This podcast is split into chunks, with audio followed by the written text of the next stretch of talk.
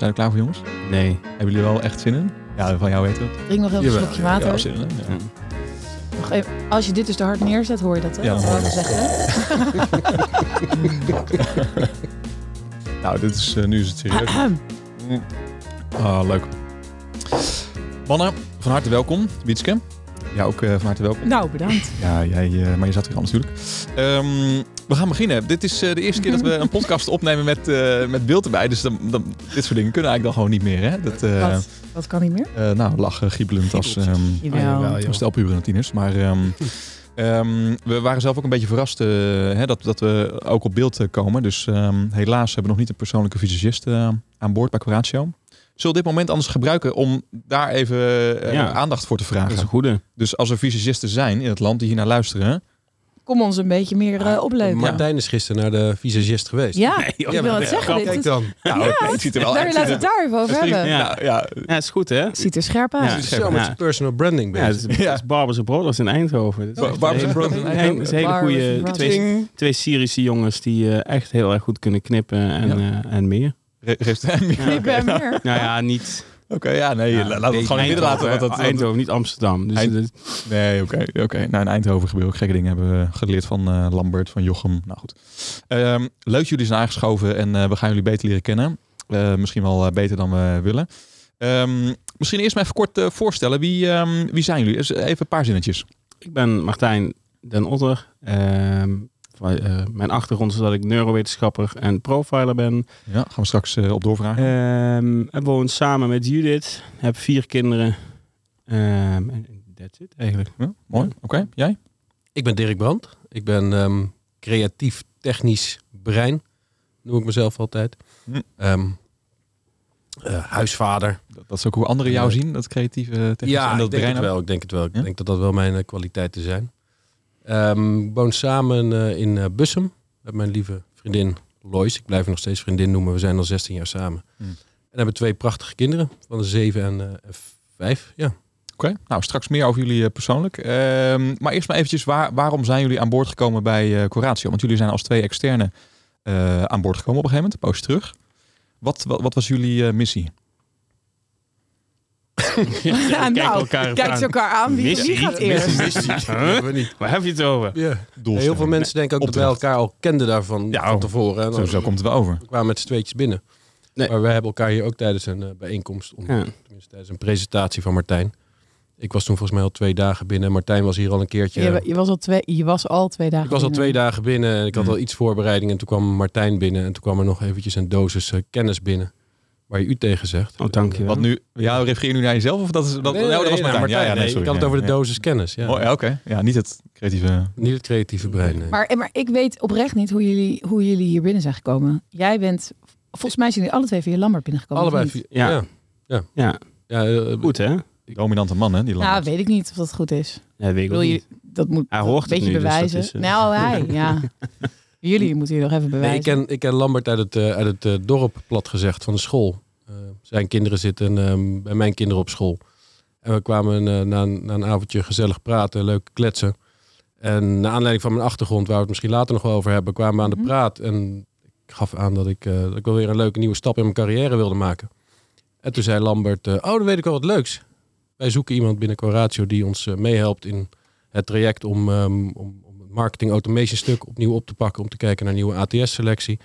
En Ja, eigenlijk ATS, meten. we eventjes, eh, dat is eh, Ja, eigenlijk staat het, eh, voor. het stuk software. ehm, Applicant Tracking System. ja, exact. Ik vind het altijd een moeilijk woord. Ja, maar ik, ik ben van de Engelse woorden, dus Ja, dan nee, probeer heel- ik graag mijn podium in te pakken ook. Heel Ja, goed. Het, het systeem waar eigenlijk alle data van de kandidaten binnen Coratio binnenkomen. Daar hebben we nu een systeem voor. Maar we zijn aan het kijken naar hoe kunnen we alles future-proof maken. Ja, mooi, ook weer Engels woord. Ja, future-proof. Vind je het fijn, Wieske, dat er zoveel Engels gedaan ik maak Jochen altijd gek omdat hij echt in elke zin ongeveer één Engels woord verwerkt. Maar eh nou, kan het aan hoor. Daarmee positioneer je jezelf gewoon heel erg. Dus net als Martijn ben, ik, ben ook ik bezig met personal branding. Het is best strong van hem, toch? Ja, dat is best wel zo kern, kernachtig en krachtig. Oké. Ja. Maar ik was heel leuk met Lambert erover aan het praten. En ik heb wel vaker met mensen gesprek gehad. Maar om, eh, mij was het negen uur 's ochtends eh, de volgende dag belde hij. eh, ik heb even overleg gehad, eh, je mag langskomen. En ehm, sindsdien ben ik hier aan boord. En aan En het dat mee was? helpen. Wanneer was dat? Dit was in ehm, september, oktober volgens mij. Dat, Hm. dat de eerste gesprekken plaatsvonden. Hm, Oké, dus ruim een half jaar zijn jullie eh, in beeld. Eh, je noemde al applicant tracking system, eh, marketing automation, als ik Ja. je even goed her- herhaal. Martijn, in Jip en Janneke taal, wat, wat is ongeveer wat jullie aan het doen zijn eh, voor mensen niet de hele dag in dit werkveld actief zijn? Ja, we hebben eigenlijk twee ehm, taken. Eh, de eerste taak is eh, de ehm, ehm, candidate journey, die nu heel anders is dan vorig jaar eh, of jaren terug.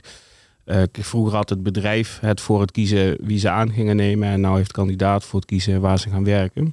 Omdat de arbeidsmarkt Ja. echt is veranderd. Ja, nou, alle software die er is, is eigenlijk op het oude systeem eh, gebouwd. En we- wat wij nu aan het doen zijn hier, is eh, door middel onder andere van wetenschap die candidate journey 1 in kaart brengen per vacature, de persona's in kaart brengen. En dan daar de, eh, ja, de systemen ook zo op inrichten dat de kandidaat precies op het moment, eh, op welke fase zij dan ook in het proces zich bevinden, de juiste communicatie krijgen. Dat is eigenlijk in een eh, Hm. zo Jip en Janneke mogelijke taal wat, eh, wat we aan het doen zijn. En zo ben ik ook bij Coratio binnengekomen. Zo hebben Dirk en ik elkaar ook leren kennen. Eh, ik zei, ja, je begint altijd eerst met het, met het boven water halen van de associaties. Waarom zouden mensen hier gaan werken? En wat zijn dan de drijfveren om überhaupt te gaan solliciteren? Want als je geen sollicitanten hebt, dan kun je een heel mooi systeem hebben. Ja. Eh, maar houdt het verder ook op. Eh, daar hebben we een workshop eh, aan besteed van een dag. En daar heb ik Dirk leren kennen en ook wat meer mensen bij Coratio. Oké, dus toen zijn we eigenlijk in gesprek geraakt van, goh, willen jullie dat niet wat uitgebreider doen? En het andere gedeelte is, eh, omdat die markt nu heel erg aan het veranderen is, is er ook een andere marketingbehoefte. Mhm. En ik eh, help Coratio eigenlijk bij het, eh, bij het eh, opnieuw inrichten van het marketingteam. Waarbij het marketingteam eerst een supportafdeling wordt en nu eigenlijk een soort kenniscentrum aan het worden is. Nou, da- daar staan aardig wat vacatures ook uit. Dus als je luistert en Ja, je je bent toevallig content marketeer, Kom bij ons. Mm. kom Ja. bij ons. Dus, eh, dat, eh, dus dat het. En, en zo zijn er wel meer zaken, maar het wordt, het wordt veel meer een Mm. voorloper die verantwoordelijk is eh, voor het lead generatie. Dus de, de drie grote processen in het brein tijdens solliciteren zijn, is ik zoek een baan. ja. Mhm. Dus dan is dat is echt de zoektocht eh, en over het tegenkomen van, van banen om op te solliciteren. Het tweede stuk is ehm, ik heb gesolliciteerd. Dat is eigenlijk de recruitmentfase. En het derde stuk van het sollicitatieproces onboarding. En, en wij houden ons eigenlijk bezig met die eerste twee eh, processen. En het moment dat die goed in kaart gebracht zijn, kunnen wij eh, uit de data die we er allemaal verzamelen ook de derde stap optimaliseren. En daarna, na het onboarding, komt het, het behouden en het eh, blij houden van klanten, het, of van, de, van de kandidaat natuurlijk, of medewerker is het dan. Ja. Fan maken, ambassadeur maken, dat soort zaken. Maar dat is allemaal een later stadium. Dus we beginnen vooraan. Oké, dus het is, ehm, eh, je- kijkt sowieso op een hele andere, frissere manier, denk ik, naar de onderwerpen recruitment en marketing. Eh, Ja. kl- Klinkt alsof het even opnieuw ook terug is naar de tekentafel, hè? omdat de wereld is veranderd, eh, de arbeidsmarkt is veranderd en eh, dus dat vereist gewoon een andere aanpak. Jazeker. Ja, een goede kandidaat wordt vandaag de dag eh, door meerdere recruiters benaderd. En Ja. waar kies je dan voor? Kies je voor Coratio of kies je voor de concurrent? En kies je voor een baan of kies je voor een bedrijf waar je bij wil horen? En wij proberen de kandidaten zo, ja, zo goed mogelijk eruit te pikken en ook zo goed mogelijk vanuit het marketingproces op te voeden. eh, mee te geven waar we voor staan. En, en op basis van die data proberen ze op de juiste manier af te leveren bij de recruiter, zodat de recruiter daarna zijn eigen proces kan doen.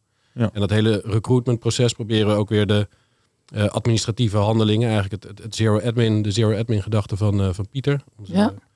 directeur innovatie, ehm, en zo goed mogelijk uit te dragen, waardoor de recruiter echt zijn vak kan doen en echt de juiste persona's eruit kan, ehm, kan pikken. Ja, Hm. Mooi. Dat, dat proces proberen te optimaliseren. Ja.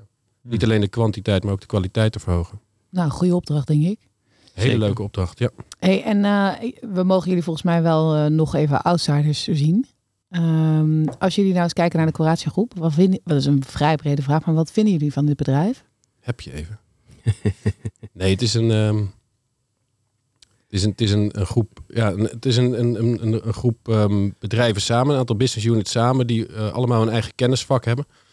En dat zie je heel erg mooi staan. Ik denk wel dat we nog op zoek moeten gaan naar die, ehm, eh, nou ja, die overlappende factor in, in het geheel. En dat we daar ook hard, hard mee bezig zijn. Maar de kennis die we in huis hebben en de kennis die wij ook voor onze opdrachtgevers uiteindelijk kunnen, eh, kunnen overbrengen. De kwaliteit van kandidaten, dat, dat zit op een, op een heel leuk level. Hele leuke mensen, gezellige mensen. Ehm, Je voelt je ook snel onderdeel ervan.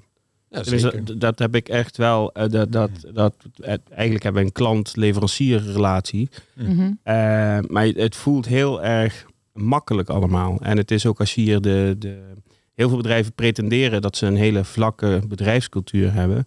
Eh, maar Dus, dit- dus een vlak als in weinig hiërarchisch. ja, weinig hiërarchisch. Ja. Maar hier is het ook echt zo. En dat is, dat is vrij bijzonder voor de omvang eh, van het bedrijf. Dus ehm, eh, waarbij de directeuren ook mensen bij naam kennen en dergelijke. Maar niet één of twee iemanden, maar gewoon iedereen. En dat is, dat is vrij uniek om mee te maken. Dus het voelt, ja, het, het voelt heel prettig. En dat, dat ehm, toen we binnenkwamen, kijk, er is, er is door alle overnames en al dat soort dingen, zijn, voelen sommige dingen nog wel houtje touwtje aan. Eh, en het is ons project richt zich juist om dat houtje touwtje om te zetten in handzame processen die ook weer verder gaan. En, en die dan ook weer gestuurd zijn vanuit natuurlijk gedrag. Dus dat, dat, het, het is zo kicken om te zien ehm, eh, welke stappen we nu al genomen hebben. Dus hoe, hoe, er, er is acht keer meer output eh, in, in, het, in, in campagnes en dergelijke. Er, er, is, er is een veel hoger engagement. Er wordt al veel meer content gemaakt aan die kant. Ehm, we hebben al gekeken naar, nou, we, we, we hebben heel veel vacatures uitstaan, maar moeten we eigenlijk wel vacatures hebben om mensen aan te trekken? Is dat, is dat nog van deze tijd? Dus dat Mm. zijn we aan het testen. We zijn, Want wat, wat zou het alternatief eh, zijn? nou, ehm, eh, Dirk kan dat eh, eh, heel mooi vertellen. De, de- over, over, we hebben een heel specifiek profiel en die zijn heel moeilijk te bereiken online. Maar die zijn bijvoorbeeld wel goed te bereiken met een whiskyproeverij. Ja, dat is meer dat out of the box denk ik. Gewoon een, een event het, ja. organiseren. En dan laat ze maar hier komen. Raak in gesprek met die mensen. Wek de interesse. En op het moment dat je wederzijds oprechte interesse hebt, dan is het ook makkelijk om te zeggen van hé, hey, kom jij even bij deze club. Het is echt ja. als je hier naar binnen loopt en je loopt binnen in een eigenlijk een soort stamcafé van, van, van 600 mensen. Mhm. Dat, dat is het eigenlijk. Je komt binnen in, in die bar. En dat, dat maakt het al zoveel laagdrempeliger meteen. Ja. En dat is eh, ehm, eh, wat vooraf misschien nog kan afschrikken. Als je, als je het corporate-achtige site bekijkt. Goh, wat, wat is dat? Dus dat is eigenlijk, zodra je hier binnenloopt, voel je meteen wel de cultuur. Nou, dat is denk ik ook het stukje Stelvio waar we mee aan, Ja. het, eh, aan het werk zijn. Je laat gelijk zien, oké, wat voor type mensen zijn we? Een één grote familie die met, met elkaar op 3 september straks die grote berg in Italië gaan beklimmen met de racefiets. Ongetraind. ehm, maar we zijn wel daarmee een heel team aan het worden. En dat, dat stralen we dan in één keer ook naar buiten uit. En dan zeg, heb je ook mensen die zeggen, hé, hey, daar willen we bij aansluiten. Hm. We kiezen niet zozeer voor die baan, maar we kiezen gewoon voor de familie Quoratio. En voor het feestje na de Stelvio. En het feestje naar de Stelvio, met dat ijsbad, Ijsbad. wat jij Ja, zeker ja. weten. Maar dat is dus ook iets, bu- buiten het feit dat wij er iets uit, eh, mee uitstralen natuurlijk als colatiegroep zijn, is dat ook iets wat jullie volgens mij heel leuk vinden. Zeker. En daar voelen wij ons dan ook alweer. Kijk, Ja. Ik ben niet het type wat in een, in hele corporate wereld eh, heel goed gedijt, denk ik. Maar binnen een, een familiaire opstelling, eh, tenminste, ja, familiair klinkt wel een beetje, maar gewoon binnen gewoon een hele veilige, gezellige omgeving, Mhm. Werkt het ook veel leuker. De lijntjes zijn kort, je kunt snel met elkaar schakelen en je kunt ook echt wat teweeg brengen binnen de organisatie. En ik denk Mm. dat daar onze ja, mensen ook wel voor staan. Ja. Impact maken. Impact, ja. Als we toch een Engelse termen moeten praten. We mogen Ja. alleen soms wat, wat meer naar buiten stralen wie we zijn en, en, en hoe we dat doen. Ja. Ja. Daar, zijn- we zijn er wel goed in, maar we moeten er ook nog wel, die trots moeten naar buiten, mogen naar buiten toe. eh. Mooi, ik vind het wel, eh, wel mooi. Jullie hebben een stralen een stuk frisheid uit op dit onderwerp. En eh, ehm, eh, nou, eh, en wij komen dat voortdurend denk ik tegen, ook in ons werk, dat, dat eh, opdrachtgevers, bepaalde eh, organisaties heel traditioneel nog in de wedstrijd zitten als het gaat om eh kandidaten werven en vacatures. En echt met een arm over elkaar zitten, soms letterlijk in gesprekken eh, naar de kandidaat. Kom maar eens even vertellen Ja, waarom, kon- ja, waarom wij jou zo, zouden moeten aannemen. zeker. Eh, Ja. Dat is het ook. Eh, Een van de, een van de zaken daarbij is bijvoorbeeld heel leuk. Eh, Ik was laatst met, eh, met, met een dataspecialist hier aan het praten. Waar ga je nou op aan? Wat doe je s'avonds in je, in je- of in je vrije tijd? En hij was bezig met, eh, met, met het maken van computermuziek of muziek op de computer. Het programmeren eigenlijk van muziek. Maar daar zit ook data achter. Dus het Mhm. type mens gaat daarop aan. Ja. Ehm, moet er dan iemand helemaal gaan, gaan proberen binnen te halen op, nou, op, echt op het, op het vak? Of moet er iemand op basis van interesses gaan binnenhalen? Kunnen wij een workshop eh, eh, eh, muziek maken op de computer gaan geven... waar mensen zich op aanmelden. En uiteindelijk van, vanuit daaruit funnelen, weer een mooi Engels woord... eh, mensen naar binnen gaan halen en, en optimali- het proces optimaliseren om te kijken hoe kunnen we die interesses zo bij elkaar brengen. ehm, om je uiteindelijk tot een, tot een, nou ja, tot een eh, tot het inschrijven op een vacature over te laten gaan. Ja. Dus, dus er komt een wezenlijk andere generatie aan. Dus de generatie die we nu in het werven zijn, die jonge mensen, is eigenlijk nog een hybride generatie tussen twee generaties in. Mhm. Maar dat, dat Gen Z wat er dan aankomt, dat, heeft, dat is op zo'n andere manier opgevoed, opgegroeid met andere middelen. Dus die, dat, dat, dat past ook niet meer. Dat Nee, is hetzelfde. Moet er meegaan. Ja, nu, ja. Het, is niet, het is niet meer, eh, ik zeg wat je moet doen, jij luistert en voert uit. Het is veel meer samen, het is veel meer eh, eh, beleving. Het is meer, veel meer een verlengstuk van, van hun vriendengroep dan dat het vroeger was. Dus de, de, de, toevallig met een, met een ander project bezig om een gebouw in te richten volgens neuroscience. Daar had, je, daar had je een eerder onderzoek wat twee zaken had onderzocht. Dus of je hebt Office 1.5, dat is een verlengstuk van je thuis. Of je hebt Office 2.5, dat is een verlengstuk van je vriendengroep. Nou, die nieuwe generatie die zit echt veel meer in dat 2.5 stuk. Dus die hebben thuis als thuis, als een soort rustomgeving of waar ze even niks eh, hoeven. Eh, eh, maar wel dat, dat op het moment dat ze met vrienden zijn, dan, dan explodeert het. En dan is het, eh, dan is het gaaf en dan, is, dan, dan bereiken ze dingen. En dat zoeken ze ook veel meer in een baan. En dat Mhm. is, dat is waarom het aantal drop-outs eh, vele malen groter is dan jaar geleden. Want ja, dat- ik ben niet per se tegen een schoolse omgeving, maar de, de, er moet wel iets veranderen. Willen ze mensen nog aan kunnen trekken in de toekomst om dat te doen? Naar Ja. mijn mening. Dus, dus dat maakt eh, de noodzaak groter om als werkgever eh, eh, die vriendengroep te faciliteren als het ware. Ja. Dat, je, dat je dat creëert met elkaar, de Ja. cultuur, investeert in plekken van ontmoeting, momenten Ja. van ontmoeting. Secundaire arbeidsvoorwaarden. Ik denk dat een pensioen niet meer le- leidend is om voor een baan te kiezen. Nee, daar ben ik met je eens. Al dat soort zaken zijn Ja. niet meer primair. En dat, Ja. ehm, de, de, de primaire zaken die veranderen gewoon naar Ja. een hele leuke omgeving waar je gewoon iedere dag ja, aanwezig bent en impact Ja. kan maken. Ja, en Ja. uitgedaagd wordt. Ja, dat en zeker. gehoord wordt. En dat je, ja. Dat is ook een hele belangrijke, ja. Ja. Ja. Maar volgens mij eh, sluit het aan bij, bij wat jullie, eh, hoe jullie Kroatië beschrijven, hoe jullie de Kroatische groep eh, ervaren, maar daar ook dus zelf naadloos in passen. Hè? Dus dat familiaire of, of misschien dat, ja, dat vriendschappelijke eigenlijk eh, wel. Eh, dus het is volgens mij ook een compliment naar jullie toe dat je zo naadloos als externe in, in eh, bent gevoegd. Want het voelt inderdaad niet meer, meer alsof jullie externe zijn. Ehm, jullie zijn eh, nou ook wel een soort van onafscheidelijk duo. eh constateer ik wel even. hè? Peppy Kokkie. Nou ja. kijk, daar gaan we al. Ja. Oh, ja. Zijn er nog meer, Peppy en zijn er nog Cookie. meer bijnamen die jullie ja voor elkaar hebben? Passie en Adriaan, maar ik heb mijn rode neus niet op. Mm. Jij hebt je rode. Ik dacht dat jij daar Maar misschien, maar misschien is dit ook wel het moment om eh, gewoon eens even open te bespreken. Wat vinden jullie eigenlijk van elkaar? Ja, lief, een lieve jongen is het. Lieve jongen. ja, Ja. nou. We hebben gisteren Martijn, met onze, met onze eh, relatiecoach gezeten. Ja. En, eh, Net als Daniel en Gerben eigenlijk. eh, dat, eh, ja. Nee, maar we, wat vinden jullie van elkaar? Is, eh, eh, Kun je daar iets zinnigs over zeggen? Of, moeten we, capaciteit. Nee, ja, dat is wel grappig. Dat is is wel grappig. ik- was eigenlijk nooit heel erg met, met neurowetenschap bezig. Ik ben, ik, heb, ik, ben vroeger ondernemer geweest en ik had een heel leuk marketing ehm, advertentiebedrijf.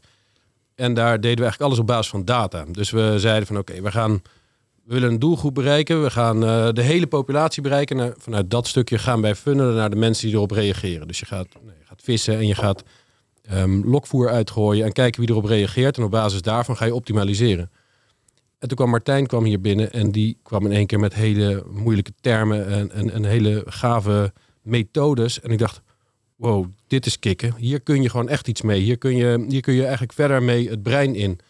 ehm, het brein ingaan bij de, bij de mens. En de mens op, op die manier overtuigen. Het klinkt soms een beetje eng worden. Een beetje witte, witte jassen achter. Ja, die jas achter. inderdaad. Maar dat is wel, eh, dat is wel het stuk. Ehm, ja, misschien, kijk, als we naar jullie kijken. eh, ik, ik heb eerder een podcast eh, geluisterd. En over, over jullie, jullie stelden jezelf voor in de allereerste podcast. En Bietske die woont in Den Bosch. En die, die woont op een boerderijomgeving met kippen. Ehm, en, en die houdt van dieren, die houdt van vrijheid. En jij woont in Ede. Ehm, je houdt van crypto en, en beleggen. Ja, en niet van vrijheid. En, en ja, ja, vrijheid, vrijheid wel, maar Oh. Misschien wel, dat weet ik trouwens ook niet. Maar jullie zijn totaal ander soort personen. Ehm, maar er zit wel ergens een verbindende factor. En dat is denk ik het stukje eh, neurowetenschap wat daar dieper op ingaat. En wat daarmee de verbindende factor creëert om nou, uiteindelijk mensen te kunnen overtuigen om, voor de, om deze keuze te, te maken. Ja, dus jij geeft nu eigenlijk even een samenvatting van wat neurowetenschap is eh, even in, in hoe jij In het... En Kokkie taal. En Jip en ja. Janneke taal, ja. Ja, ja. Ja, mooi. Eh, eh, Maar is dit een kloppende eh, Nee. samenvatting? Expert. Martijn Nee, ja, er te zitten wel delen in. Nee, nee, helemaal Martijn, je zou zeggen, goede vraag, Dirk. Ja. Goede vraag, Dirk. Ja, goede vraag. Sorry Ja. inderdaad. Nee, ja, het is. eh, nee, het valt het niet helemaal samen. Kijk, we hebben natuurlijk een, bepaald gedrag als mensen. En wij, eh, eh, wij maken beslissingen. En het grootste gedeelte van die beslissingen is dus een dood. 95% van alle beslissingen maak je onbewust. Maar dit is. En, en misschien nog wel meer. En dat is echt zo. En als je die. die, ehm, ehm, die in, een, in, een, in een tijd van overvloed. En voor de kandidaat is er nu overvloed hoef je niet rationeel te beslissen. Hoef je niet van, goh, kloppen alle vinkjes wel. Dan ga je gewoon iets doen wat je gaaf vindt. En daar is nu ook de markt voor, want je hebt het voor het kiezen. Ehm, en als je dan ergens komt en je voelt je fijn. En, en nogmaals, met alle processen en systemen moeten we er nog gaan voor gaan zorgen dat ze op het juiste moment de juiste eh, informatie krijgen. Eh, mensen zijn lui. Hè, de- de- daarom zijn we succesvol als diersoort. Ehm, dus als wij die luiheid kunnen faciliteren in zo'n proces, eh, dan gaat het heel goed. En het, het, het andere stuk wat ik, waar ik eigenlijk veel meer mee doe in dat proces, dat profilen, Ja. dat, dat past daar ook heel goed bij. Dat is ook de, de, Wa- wa- Wat is profilen? Eh, Ik ken Ja, het. eh, de- bij mij doet het meteen aan een misdaad. eh, ja, de- daar, daar kennen de meeste mensen het ook wel van. Dus ehm, eh, de criminal profiling, kijken of er Ja. recidieve gedrag is. Of de FBI zoekt een seriemoordenaar en eh, eh, wil weten of dat een middelbare leeftijd man is die in Den Bosch woont of zo. Dat, dat, dat, dat soort dingen. Ehm, eh, en dit, waar ik naar kijk is puur naar koopgedrag. Dus van hoe kun je mensen iets laten kopen, eh, maar ook welke persona past daarbij ehm, en dat achterhalen. En ik kan dat doordat ik beide kennissen heb, vaak snel koppelen aan associaties. En associ- op, op basis van associaties maak je beslissingen. Dus dat is. eh, ehm, Dus je Ehm. associeert eh, eh, chocola met, nou dat is, dat is lekker. eh, Nou, ik heb het deze week geleerd simpel uit te leggen. Dus de AH-methode. Ehm, en ik leg het altijd uit. Is, je hebt, je hebt een, een beslissing maak je in drie stappen. Dus je hebt het eerste stukje.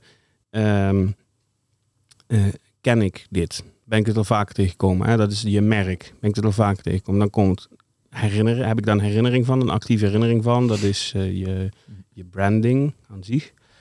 Eh, en dan komt het derde stukje, en dat is het beslissen. En dat is op het juiste moment daar zijn, zodat mensen de, de actie nemen. Dat laatste stukje, dat is dat kleine beetje wat je... eh, die, wat je 5, moet die nemen. 5%. Ja, die 5%. Maar die eerste twee, die triggeren die laatste actie. Je kan het zien als dat je een blikje, als je een tankstation inloopt en eh, eh, je ziet een rood blikje ergens staan, dan herken jij dat rode blikje Ja. De ervaring die je daarmee hebt is dat je het lekker vindt. En dan kun je zelfs een vals positief krijgen dat je dorst hebt. Dus Ja. ook als je geen dorst hebt, ga je dan over op, op, op kopen. En dat is, eh, dat is eigenlijk wat wij ook gaan doen eh, in, in recruitmentland. Dus positieve herinneringen laten. Niet eh, eh, je krijgt een salaris, la la la, we zijn een leuke werkgever. Want dat zegt iedereen. Iedereen zegt je krijgt een salaris en we zijn een leuke werkgever en je hebt goede arbeidsvoorwaarden. Nee, Ja. wij zijn echt een kikkerclub om bij te zijn. En, en dat moet veel meer geladen worden. Zodat als ze de naam Coratio nog niet kennen, maar ze hebben wel eh, eh, 20, 30, 40 keer al gezien dat het super cool is om daar te werken. Ja, dan, dan krijg je veel meer dat ambassadeurschap ook op het moment dat mensen hier werken en dat ook gaan ervaren. Want het één ding is beloof. Belo- de belofte is, is veel sterker dan de uitvoering. Dat blijft altijd zo. Maar op het moment dat die twee gematcht zijn met elkaar, en dat is wat we hier wel willen eh, doen natuurlijk, eh, dan krijg je een ambassadeur.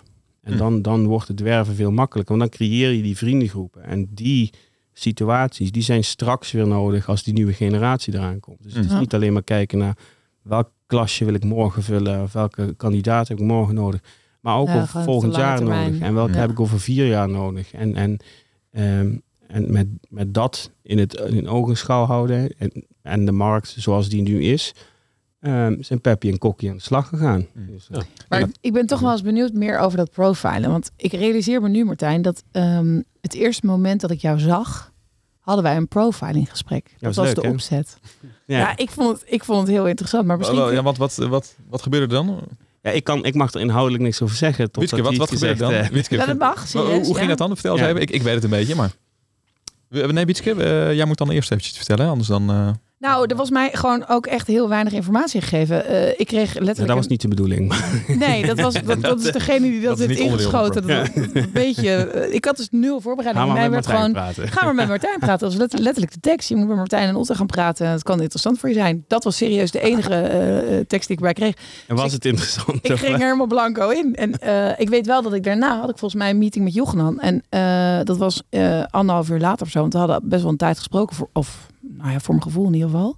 Alleen maar gehuild. En toen zei ik tegen Jochenan, zo, nou, eh, ik moet Wie er wel even van die bijkomen. Maar ik, Ja. weet, ik heb totaal, ik, ik wist ook, ik ben een beetje bij jou uitgevraagd van waar gaat het er naartoe en wat gaan we ermee doen. Maar Ja. je bent er nooit meer op teruggekomen. Dus misschien ben je helemaal gechoqueerd van wat ik daar verteld heb. Nee, maar- helemaal niet. Kijk, de, de- kijk bij, bij profiling, wat je daarmee wil doen, is eigenlijk wie is de persona erachter en hoe maken zij beslissingen. En, en dat, op basis daarvan kun je wel associaties koppelen aan, aan bepaalde zaken.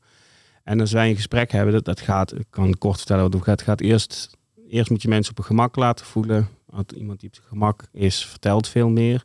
Dan ga je het hebben over de kindjes en over de thuissituatie, wat ze leuk vinden. Ehm, en wat, wat mensen leuk vinden, ehm, dat is vaak ook het- hetgeen waar ze heel sterk aan geassocieerd zijn. Want dat zijn, je kiest je sport omdat er een bepaald element in zit waar je echt op aangaat. En eh, daarna leg ik bruggetjes naar werkomstandigheden. En dan eh, ga ik van de hak op de tak, van de hak op de tak. Dat heb jij waarschijnlijk ook ervaren. Mhm. En aan het eind eh, kan ik een soort van mini-profiel geven. En, en eh, is dan het doel dat je in het begin eh, start met de hele sterke associaties, de persoonlijke associaties, dat je daarna het kunt herkennen dan? Nou, ik kan ze nooit 100% vastleggen. Dus dat, dat kan je alleen in een, in een soort MRI-omgeving doen. Of met een impliciete associatietest natuurlijk. Maar ik, Ja. ja, door kennis kun je wel achterhalen in welke hoek het zit. En dan kun je daar, een, als je er dan heel veel gedaan hebt, ehm, kun je daar wel een, een rode draad op maken. Dus Ja. dat is een- Oké, maar het, het klinkt een beetje abstract, maar wat, mij, wat, wat ik me bij is gebleven, is dat jij het idee had, Wietske, van ah, hij, hij kan me echt wel lezen. Hij keek dwars door me heen. Mhm. Dus, dat, dus Ja. dat, is, dat is ook het idee. ja. Ja, maar het is niet alsof ik gedachten kan lezen of zo. Dat, is, dat, dat vragen mensen vaak. Of dat ik het de hele tijd aan het gebruiken ben. Want het kost best wel energie. Dus dat is, ja, want eh, wat is het een aan- en uitknop dan die je kunt aanzetten? Ja, het Dat- is, nee, nee, het is gewoon een. ehm, je moet je heel erg focussen. Want je kijkt niet alleen naar maar. Je luistert niet alleen maar. Maar je kijkt ook wat doet het met iemand. En hoe reageren ze daarop. En als je dan. ja, en wat, Eigenlijk naar wat voor dingen kijk je dan? Gewoon even om, om het Ja, te begrijpen. lichaamshouding, lichaamshouding, spierspanningen, hoe de ogen draaien. ja, eigenlijk alles. Gewoon het complete eh, beeld. En onderaan de streep blijft nog steeds een mening. Dus het is geen wetenschap. Het is geen Nee. exacte wetenschap. Het is een methode om iets te achterhalen. Ja, dus iemand zegt iets en jij ziet vervolgens dus de ogen een bepaalde kant op bewegen. Ja, het is een combinatie van alles. Het is, eh, eh, Kun, kun, ze Dus houding en... De- de- de- Iemand vertelt iets en dan, dan denk jij, nou, volgens mij klopt het niet wat je zegt. Want ik Maar- zie dat je ja, ogen dat, die kant dat, op... dat zie je gewoon aan lichaamstaal. En dat is... is eh, makkelijk, zeg jij. Ja, ja, als je daarin getraind bent, is dat makkelijk. En ehm, je zou op, op masterclass oh, staat ook zo zo'n lastig. Staat ook een eh, training van eh, Chris Vos. Die is, dat is een FBI ehm, ehm, profiler en, en hij houdt ook interviews met verdachten. Ja. En hoe hij dan interviews houdt, is eigenlijk super interessant om te kijken. En, en dat soort vragen, dan kijk je ook naar lichaamstaal en, en hoe reageert iemand. Maar er zitten ook heel veel herhaalvragen in. Even terugpakken of dit, even terug. Hetzelfde wat een recruiter doet in een sollicitatiegesprek eigenlijk. Ja, Hmm. maar het lijkt me echt onwijs vermoeiend. Als, als je dit als soort van... Je hebt aange- aangeleerd. Ja, maar je ziet dit dus overal. Dus in wat voor een overleg je ook zit of met wie je ook praat, volgens mij heb je altijd een beeld.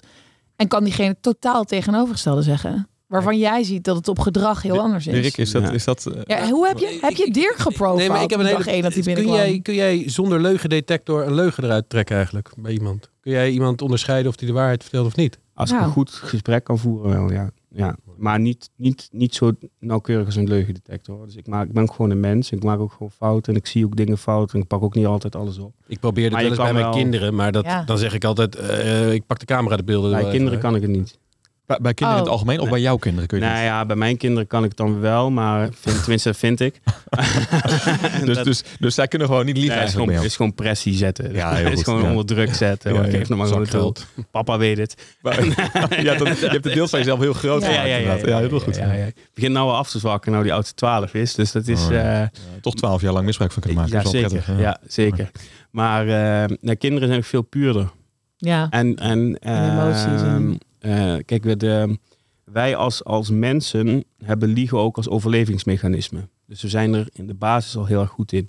Hm. En hoe, eh, eh, kijk, vroeger waren wij, waren wij niet de enige mensensoort, zeg maar, als je het zo plat geslagen mag zeggen.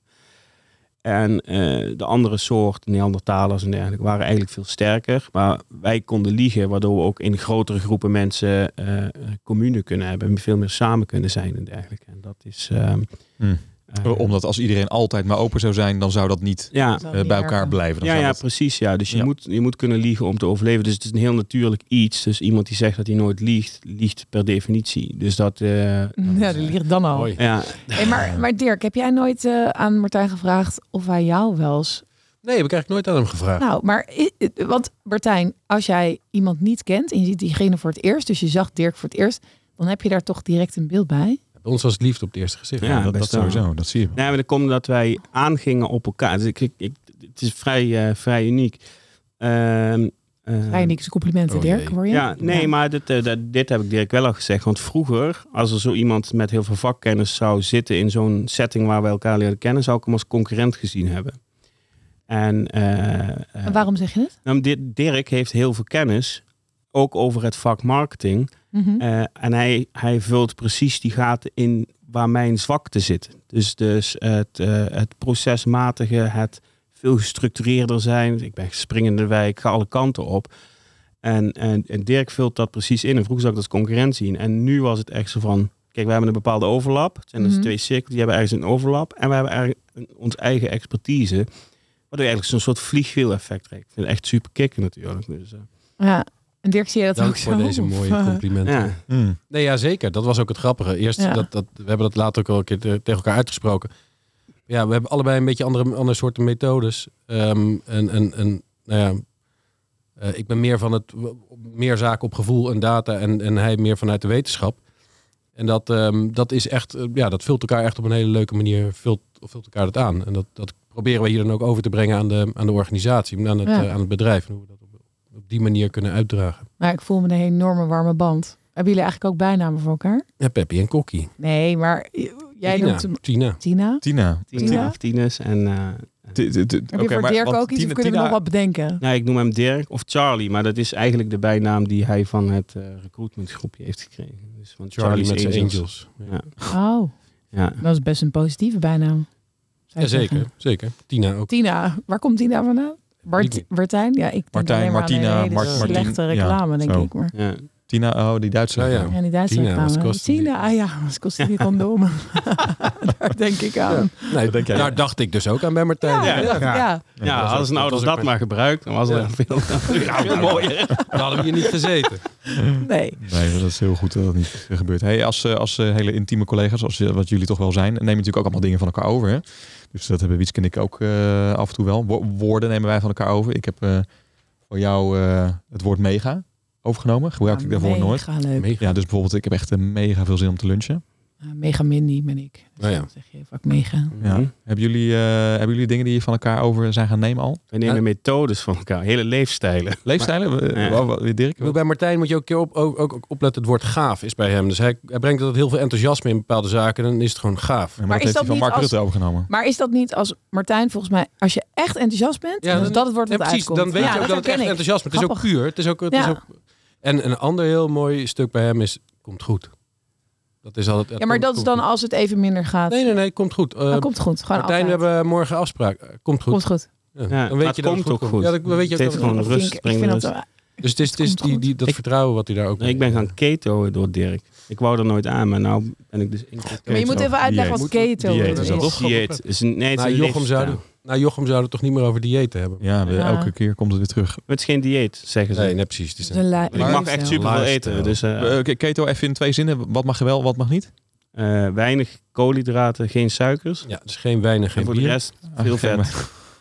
Dus, Ja, eh, serieus? Veel vet? Ja, Oh ja? In de basis kan je, kan je Het zit bij mij lichaam ook op goed, suikers... dus, ja, je lichaam kan op suikers, op, eh, op eiwitten en op vetten draaien. En, En bij Martijn draait het op allemaal waarschijnlijk. Ja, bij mij draait het alleen maar op... Wat is dit voor een aardige Nee, opmerking? Dit is sneer, hoorde je? Ja, ja, ja. Pak hem nog wat terug. Ja, nee, nee, Martijn, lieve man. Ja. Nee, je probeert je lichaam eigenlijk een beetje op... Dat is ook een aanleiding van de Stelvio. Maar je, je probeert je lichaam uiteindelijk op, op vetten te draaien. Want daar kun je onbeperkt op doorgaan. De oermens waar we het net over hadden.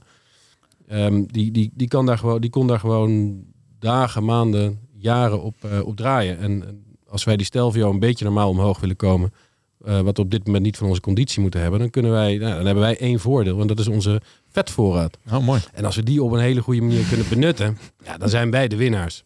Kijk, en wij hebben natuurlijk één doel. Wij willen eerder dan Lambert boven zijn. Ja, dat is, snap ik. weet je, Ja. en dat is, dat is het probleem. Beneden gaat zeker lukken. Ja, beneden, dat is ook ons voordeel. Dus we moeten Ja. kijken naar wat we wel kunnen, niet, Ja. wat, eh, niet onze gebreken. En Dir- Dirk is gaan Wim Hoffen door mij. Ja, vertel. Ijsbad in zijn want- tuin. Ik wou zeggen, wat is het meest eh, opvallende attribuut in jouw tuin tegen? Ja, nee, het meest, nou ja, die, heb ik, die heb ik van Martijn. eh, dat was denk ik na twee dagen dat, ik, dat, we, dat we aan het kijken waren wat onze verbindende factor was. En dat was toch wel dat we nou, een beetje aan het, aan het, aan het, aan het biohacken, aan het kijken zijn hoe je kun je je lichaam wat sterker maken. Dan, ja, als je. Biohacken, dit is ook iets. Ja, dit is ook dat, iets. eh, dit, Nee, dat, dat, klinkt, uitleggen, dat klinkt ook veel, veel, te, veel te wetenschappelijk en te slim voor mij. Ehm, maar kijken of je puur op basis van, van, van bepaalde technieken eh, jezelf sterker kan maken. En Wim Hof is daar echt een, nou, een heel, heel groot, goed voorbeeld van. Ja. Ik denk dat bijna iedereen Wim Hof kent, maar ja, eh, hij staat bekend om. Ik hij denk, is er om zijn ijsbaden, om zijn ademhalingstechnieken en eigenlijk om eh, ja, zijn, zijn, zijn manieren om, om je lichaam gewoon heel sterk te maken en in je oerstand weer te activeren in je, in je lichaam. En een van de zaken is dat wij in een veel te comfortabele omgeving leven. Het is hier ehm, eh, 25 graden en ehm, ja, dat, daar zitten wij in heel erg veel luiheid en ons lichaam komt in een soort van luie Mm. stand. Maar dat oerinstinct moet af en toe eventjes omhoog gehaald worden. En daar heb je dan een ijsbad voor. En op het moment dat je in een ijsbad gaat zitten, ik deed daarvoor deed ik het wel onder de douche, ging ik lekker koud douchen. En toen zei Martijn tegen mij, ja, je moet zo'n ijsbad hebben. Ik zei, ja, maar zo'n ijsbad is hartstikke duur. Toen zei nou, ik heb een, een ton, kost 75 euro. Ik zei, die moet ik ook hebben. En die heb ik in mijn tuin geplaatst. En daar eh, heeft in de winter koud, eh, koud water in gezeten, zelfs met een laagje ijs. En als je dan een lekkere oefening had gedaan, dan eh, had gesport of op de racefiets had gezeten en je kwam thuis, dan, ging je even in het, dan ga ik even in het ijsbad zitten en dan kom je helemaal tot rust. Je hebt Oh. maar, maar twee, drie minuten nodig. En dat is Ook. bizar. De eerste paar keer is dat, is het, ja, is het gewoon eng. Je denkt dat je doodgaat. ja. Je Ja, schreeuwt om je moeder. Ook Ja, die je ademhalingsoefeningen. Get high on your own supply, zegt Ja. hij. En het is gewoon... eh, die ademhalingsoefeningen is om alkaline in je bloed te krijgen. Dus dan Mhm. gaat je, eh, je bloedwaarde gaat daarvan omhoog. ehm, waardoor er een betere doorstroming is. Is gewoon supergoed. Lees een boek als je er meer over wil weten. Nou, ja, ja, weet je nog, ah, jij hebt mij eh, ergens, we hebben ergens een challenge. Ik was, Zeker. Ik oh, heb, die, die weet je nog. ja, ja, want ik had al ja gezegd tegen de Stelvio voordat ik wist wat Stelvio was. En, en de, de, de weet dat- wetenschap is dat die directie hier natuurlijk in, een, in zo'n ijsbad gaat. En ik ben nou aan het kijken zelfs of het dan meteen daar kan. Of ik daar een eh, instructeur Ja, kan vinden goed. die dat eh, daar... Want het is ook nog goed voor je, voor je Ja. spierenherstel. En Ja. ja, dat, dat heb ik geleerd van is- de, van de trainer toen van, eh, ik ben zijn naam even kwijt. Mark Lammers. Mark Lammers inderdaad, ja, Ja. met de Ja. hockeydames. eh, Dat is die, wel een heel uit- leuk, leuk verhaal destijds. Hij, hij, hij had dat geïntroduceerd binnen, de, binnen Oranje. En die, die dames van Oranje die speelden ook samen met wat Argentijnse dames bij de clubs. En die Argentijnse dames die kregen daar op een gegeven moment weten van dat daar, dat er ijsbaden werden toegepast. Ja, dus dat was na de training direct ijsbad. Ja, Ja. en die vroegen, ja, hoe lang eh, gaan je erin zitten? En toen heeft Mark gezegd tegen die dames, van, ja, zeg maar dat ze gewoon een half uurtje er lekker in moeten gaan Mm, zitten. En die hebben er toen veel te lang in, ik weet niet of het een half uurtje was, maar Ja. die hebben er veel te lang in gezeten. En die kwamen er helemaal compleet bevroren uit. Dan ga je weer iets te ver, maar het Ja. is inderdaad, is het En wel... en het hoeft maar onder de 12 graden te zijn. Ja, precies, Dus dat het is is, en het is, wat het doet, wat het eigenlijk heel simpel doet, is het, eh, doordat je bewust het gevaar opzoekt, want je lichaam krijgt wel, raakt wel in een soort shocktoestand, eh, verhoog je je immuunsysteem belangrijk. Want je voegt stress toe, je gaat heel bewust met stress om. Hetzelfde als een bodybuilder die stress toevoegt om zijn spieren dik te maken. Voeg jij hier stress toe als in een noodsituatie waarop je lichaam aan moet. Je lymfesysteem wordt, wordt schoongemaakt. En je immuunsysteem wordt schoongemaakt. Dit kan ik uit eigen ervaring vertellen. Ik ben eh, in 2019 voor het eerst in aanraking gekomen met die methode. Met een vriend van mij hem was tegengekomen op het vliegveld. Ik zeg, wie is die gast waarmee op de foto stond? Nou, dat was dan Wim Hof, ging die vertellen. Hij werkt ook met heel veel neurowetenschappers. Nou, ik ben een nerd, dus ik ging alles lezen. Toen dacht ik, ah, dit is een mooie New Year's resolution. Maar in de winter heb ik structureel voor die tijd bronchitis, puffertje, heel vaak koorts. En eh, echt elke maand wel een keer een avond dat ik echt flinke koorts heb. En eh, hoesten structureel. Het was 1 januari. En op 5 januari hoestte ik niet meer. En op 7 januari had ik geen puffer meer nodig. Mm. En eh, eh, het heeft mij zoveel gebracht. Dat overal waar ik kom, vertel ik erover. Mm. Dus eh, dat is Ja, en wel overal waar je cool. komt loop je in t-shirts rond terwijl iedereen Ja, korte mouwen. Ja, dat, is- dat is ook... stoer. Ja, nou ja, dat is ja. ook hij wil zijn armen graag laten zien, denk ik ook. Ik heb er anderhalve maand al niet ingezeten. Maar Ja, dus, het- ik denk niet dat dit de meest showcase armen zijn die er bestaan. Maar goed. Nou, maar daar ben je wel, daar sta je wel bekend, denk ik. Nee, ik draag Ja. niet snel een jas. Maar dat deed ik vroeger Nee. ook al niet heel veel. Ik kon best wel goed tegen de kou. Maar nu, als het regent, dan doe ik wel een jas aan. En eh, ja, het is Ja. gewoon leuk. Mooi, ja, ik had er ook al wel van eh, gehoord. Is trouwens wel een kleine tip. Je moet niet per se zoeken naar Wim Hof en zijn eh, politieke voorkeuren volgens mij. Want dat, dat, dan gaat hij zich op een terrein begeven waar hij niet per se nooit, expert op is. Maar nou oké, mag je parkeren. Mooi dat we zoveel hebben over, over gezondheid en hoe het ons bezighoudt. Dirk, ik weet dat voor jou ook wel een thema is. Bewust bezig zijn met je lijf en met je gezondheid. Is dat iets waar je meer over wil vertellen? Nee, zeker. Dat is, dus voor mij is dat wel een, wel een puntje geweest. Ehm, dat is ook mijn, weg hier naartoe, denk ik wel. Ik heb ehm, in 2014 heb ik een hele zware burn-out. 2014, 2015 heb ik een hele zware burn-out gehad. En dat, eh, dat heeft ervoor gezorgd dat ik vijf jaar niet heb kunnen werken. Ik was daarvoor ondernemer. Ik had een heel leuk, eh, eh, leuk bedrijf. En we groeiden en we groeiden. En nou, ik ging iedere dag met heel veel plezier naar mijn werk. Maar ik zat 20 uur per dag achter de computer. Ik was alleen maar met mijn werk bezig, ook in het weekend. En ik merkte gewoon dat bepaalde zaken waar ik de controle niet meer over had, dat dat voor, eh, voor stress ging zorgen. Maar ik bleef maar doorgaan en bleef maar doorgaan. Totdat mijn dochtertje was geboren en ik eh, van de een op de andere dag eigenlijk gewoon compleet omviel, instortte en niks meer kon. Hm. Het heeft erin geresulteerd dat ik eigenlijk vijf jaar lang niet op de arbeidsmarkt heb, eh, nou, daar heb kunnen bevinden. Een hele mooie zoektocht geweest van mezelf. Ook, ook hoe ik ja, ehm, hoe ik weer beter zou worden en hoe ik weer ehm, eh, mijn fysieke gestel weer een beetje op een normaal punt kon krijgen. Maar dat heeft, is een periode geweest dat ik alleen maar in mijn bed kon liggen. En, Eh, en dan heb je het over die hele vijf jaar. Eh, ja, die hele vijf jaar in het begin, in het begin was het echt eh, heel zwaar. En als je een burn-out hebt, dan is het niet zo van oké, ja, dat zei de arts op een gegeven moment tegen mij. Waarschijnlijk heb je wel een burn-out, nadat ik ehm, eigenlijk niet meer normaal mijn bed uit kon komen. Ehm, en je probeert dan, hij, en hij zei ja, over drie maanden probeer het dan maar weer opnieuw om, om, om, om naar kantoor te gaan. Maar vertel maar aan, de, aan je compagnons ehm, dat je er even voor drie maanden uit ligt. En dan zeg je oké, drie maanden. Nou, drie maanden probeer je het weer. Ja. Maar dan ontstaat er echt een weg van vallen en opstaan. En tegenslagen waar je tegenaan loopt. En ik had altijd gedacht, ja, een burn-out, dat gaat mij niet overkomen. Want ik ga met een grote glimlach naar mijn werk. Mhm. En wat, ehm, eh, wat is dat nou? Maar op een gegeven moment merk je dat je gewoon de controle over je, je dagelijks leven niet meer, eh, niet meer hebt. En dat was, wel, ehm, ja, dat was voor mij wel echt een, een, een Confronterend een ergens. heel confronterend eng Ja. iets. Ja. Dat heeft erin geresulteerd dat ik, ehm, nou ja, dat, dat, dat, dat ik zoekende was naar hoe, hoe word je weer beter en wat kun je dan. Maar je bent een jonge vader en je wil weer de arbeidsmarkt op. Je wil weer terug, je wil weer normaal gaan werken. Hmm. Ik had ondertussen afscheid genomen van het, eh, van het bedrijf waar ik werkte. En toen ja, kwam ik in, echt in een fase van, van zoeken, zoeken, zoeken. Ehm, toen zijn we verhuisd vanuit eh, Amsterdam naar Bussum. En daar ben ik heel lekker met mijn handen gaan werken. Daar ben ik het huis gaan verbouwen. We hebben een oud, eh, een oud huis gekocht waar alles aan gedaan moest worden. Dus alleen de muren laten staan. Daarmee bezig gegaan. Dat helemaal eh, samen de aannemer opgeknapt. En ik stond daar 's ochtends vroeg te timmeren. En de ene dag ging het wel goed, de andere dag ging het niet goed. En met vallen en opstaan ben ik weer op die manier... ehm, ja, heb ik mijn dagelijkse patroon weer, terug, weer teruggekregen. En toen kwam ik erachter dat, ehm, dat er in het gooi bij ons eh, houten overkappingen helemaal hip waren. Dus toen dacht ik, nou, daar ga ik wat leuks mee, eh, mee doen. Mijn opa tof. was vroeger ook timmerman, dus ik, het is bij mij met de paplepel ingegoten. En toen ben ik overkappingen gaan bouwen in het, bij ons in, in het dorp en omgeving. Is alleen heel jammer, je kunt ehm, nou, bij mij uit Deventer, waar ik oorspronkelijk vandaan kom, daar waren nog wel eens jongens van een jaar of 16 die geen opleiding wilden en waar je, waar, waar, nou, die je tot timmerman kon omturnen. Ja. Maar bij ons in de omgeving moet iedereen nou, toch wel een, eh, op een ander level en die gaan niet voor hun twintigste van school af. Dus die, ehm, daar waren geen, geen jonge, leuke, goede timmermannen te vinden. Dus, eh, ik, heb het, eh, ik, ik, ik kon uiteindelijk mijn team niet uitbreiden daarmee. Dus toen zei ik ook van, nou goed, die overkappingen, dat is niet een duurzaam iets.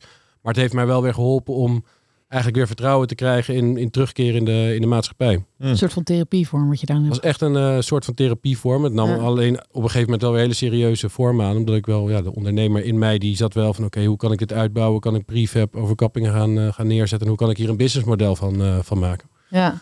En dat, ehm, dat was het voor mij wel. Dat ik, nou, dat vond ik heel leuk. Alleen ik was overdag was ik bezig, zat ik op de bouw. En in de, in de avonturen zat ik offertes te maken. Dus dan zat ik wel weer in mijn lange dagen ehm, bezig zijn. Dat ik dacht van, oké, dit is niet de juiste manier. Hier moet ik wel een, weer een goede balans in vinden. Mhm.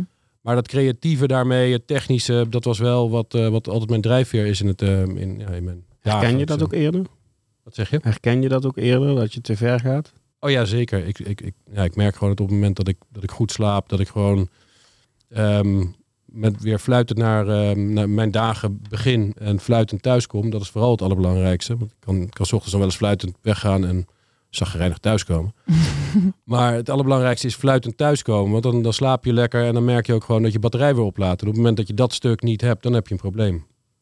En dat Ja. was ook wel een van de dingen waar ik best wel tegenaan liep. Van ja, Ehm, je komt vanuit het bedrijfsleven en je wilt weer terug naar het bedrijfsleven, maar je bent best wel onzeker geworden in, ja, misschien heb ik morgen wel eh, een, een off-day en hoe kan ik dat op kantoor vertellen en hoe, Ja. ja. ik blijf thuis, moet ik zeggen dat ik een griepje heb en kun je drie keer per, eh, per maand een griepje hebben. Dus ik was wel, nou daar was ik best wel bang voor, om gewoon weer op een hele eh, normale manier terug te keren. Ja. Dat is denk ik wel de, de kans die mij hier geboden is en, en de, de, gewoon het veilige gevoel Ja. daar was ik wel. ehm, ja, op een gegeven moment dacht ik wel echt van oké, dit is wel echt een hele fijne plek om, om dagelijks weer aanwezig te zijn. Maar ik vind dit, ik vind dit burn-out verhaal best wel een, eh, een ding. Hè? Eh, Ik bedoel, als je het aan mijn ouders vraagt, eh, er bestond burn-out vroeger niet. Dus er zit Nee. wel een, is meer bekendheid voor, wat denk ik heel goed is. Heeft de Maar- zorg echt eh, onwijs tof dat je dat ook deelt. eh, Dank je. en kwetsbaar. Dus, ja. Eh, maar vind jij dat wij als bedrijf zijn hier genoeg oog voor hebben? Eh, want ik voel namelijk, en daar ben ik totaal zelf onderdeel van. eh, ik voel namelijk zelf dat ik heel erg binnen een cultuur, of de cultuur kan zijn dat wij hier allemaal heel erg aanstaan. Ja, Eh, en ik, ik als manager zijn en worstel ik er zelf ook af en toe mee dat ik dat eh, koop, mijn gedrag kopieer op iemand anders. Dus als iemand anders daar iets van anders van vindt of van afwijkt, dan vind ik daar iets van. En ik inmiddels weet ik dat ik daar minder van, van moet vinden, maar het doet wel iets. ja zeker. En kijk, het is sowieso de tijd waarin we leven. S Ja. ochtends worden we wakker, pakken onze telefoon. Ja. S'avonds voor het slapen, we zitten nog steeds met onze telefoon. En wat we Ja. daartussen doen, we staan constant aan. Is nooit een momentje dat je even lekker, ehm, eh, gewoon even, even luiert, even niks doet. Daar, eh, daar is, daar is in, de, in deze maatschappij denk ik weinig ruimte voor. Ehm, wat je daar als bedrijfscultuur in, in merkt is, ja, iedereen, ik denk dat heel veel bedrijven daar wel de ruimte voor bieden om ehm, mensen met een burn-out of mensen die gewoon wat gestrest zijn of mensen die, ja, die het wat zwaarder hebben en die, die daar vatbaar voor zijn, dat daar wel een plek voor is. Alleen het, het ligt wel aan de persoon zelf. Want tegen mij werd ook altijd gezegd van eh, pas op, eh, je werkt hard en je zit alleen maar achter je computer en je doet voor de rest niks, je sport niet meer. Doe ook even de leuke dingen.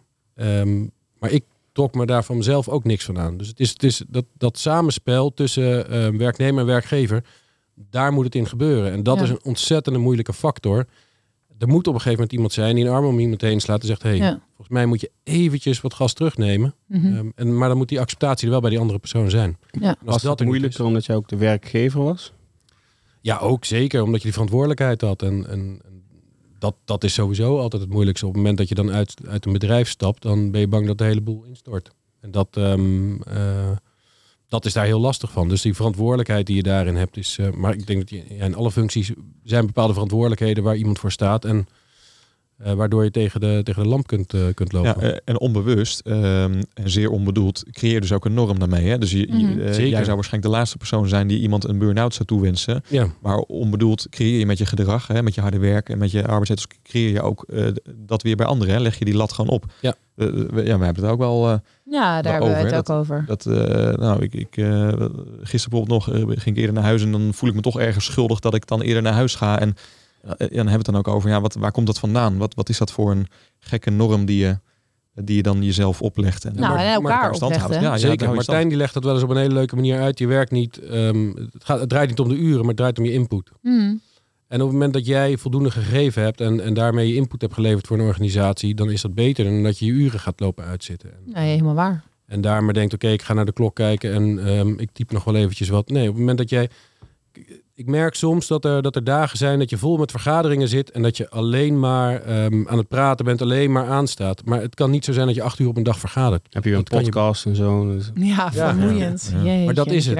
En dat, eh, ik denk dat je die balans heel erg goed in je, in je agenda ook moet, moet hebben. Dat je niet van de ene vergadering naar de andere. Want je kunt niet pieken al die, eh, al die Nee. momenten. En misschien ook meer van elkaar accepteren. Hè? Als eh, de ene ander in zit, dat eh, de anders in zit en eerder naar huis wil, dat het helemaal oké is. Ja, en op het moment dat je zegt, ik neem op maandag even lekker vrij. Want ik ga even helemaal niks doen. Omdat die andere vier dagen kan ik veel meer input leveren voor de organisatie. Dan is dat Alleen maar meer waardevol. zijn. Ja. Mm. Ja. Ja, ja, dat klinkt makkelijk als je het zo zegt, maar, Maar dat is- zo onwijs moeilijk om dat in de cultuur te krijgen.